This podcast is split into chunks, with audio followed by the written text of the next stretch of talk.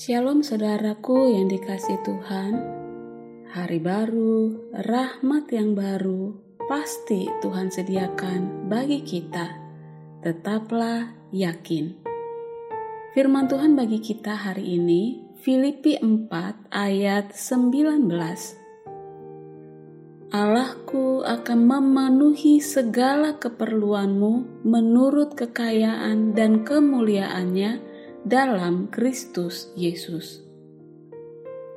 Saudara, terkadang kita menemui jenis orang yang memang bermurah hati, dan itu terwujud dengan pemberian-pemberian yang kerap kali ia berikan, bukan?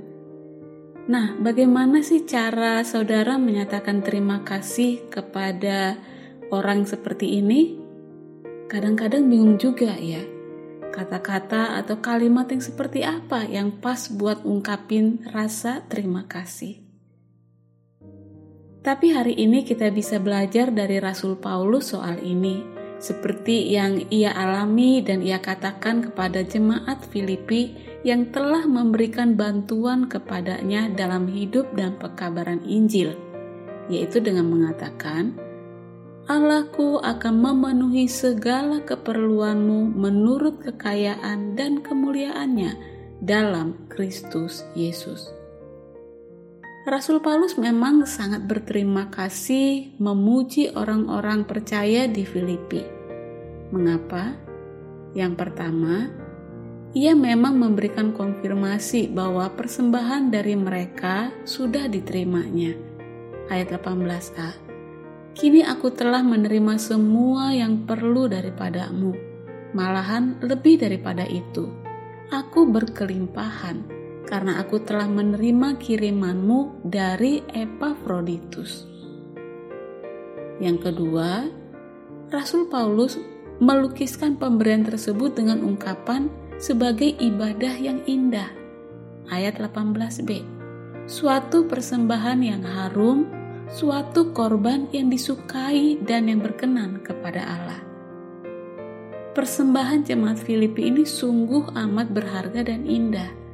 Tidak hanya bagi Paulus, tetapi juga bagi Allah. Dan Tuhan telah memberikan teladan tertinggi dalam hal ini.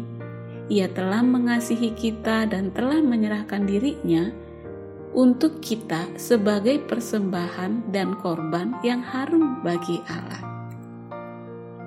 Ketiga, Rasul Paulus memberikan janji terakhir kepada jemaat Filipi yang murah hati seperti yang dikatakan di ayat 19 ini. Allahku akan memenuhi segala keperluanmu menurut kekayaan dan kemuliaannya dalam Kristus Yesus. Janji ini menggemakan firman Tuhan Yesus dalam khotbah di bukit. Apakah yang akan kami minum? Apakah yang akan kami pakai? Semua itu dicari bangsa-bangsa yang tidak mengenal Allah. Akan tetapi, Bapakmu yang di sorga tahu bahwa kamu memerlukan semuanya itu. Tetapi, carilah dahulu kerajaan Allah dan kebenarannya, maka semuanya itu akan ditambahkan kepadamu. Saudara-saudara, terkadang waktu kita terdorong oleh Allah untuk memberikan persembahan, bisa jadi kan terbersit, khawatir, takut.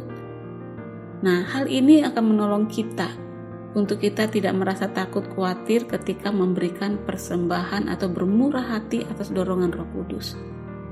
Yaitu bahwa akan Allah akan memenuhi, menambahkan apa yang kita perlukan. Saudara, ketahuilah bahwa persembahan yang kita berikan dengan murah hati itu akan memberkati sesama, dan itu menjadi korban yang menyukakan hati Tuhan. Dan sebagai balasannya, Allah berjanji untuk memenuhi semua kebutuhan kita menurut kekayaan dan kemuliaannya dalam Kristus Yesus.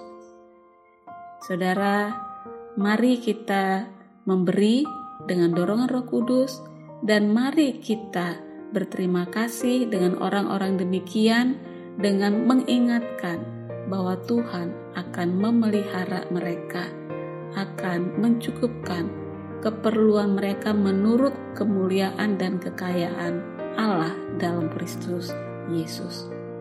Tuhan berkati kita. Amin.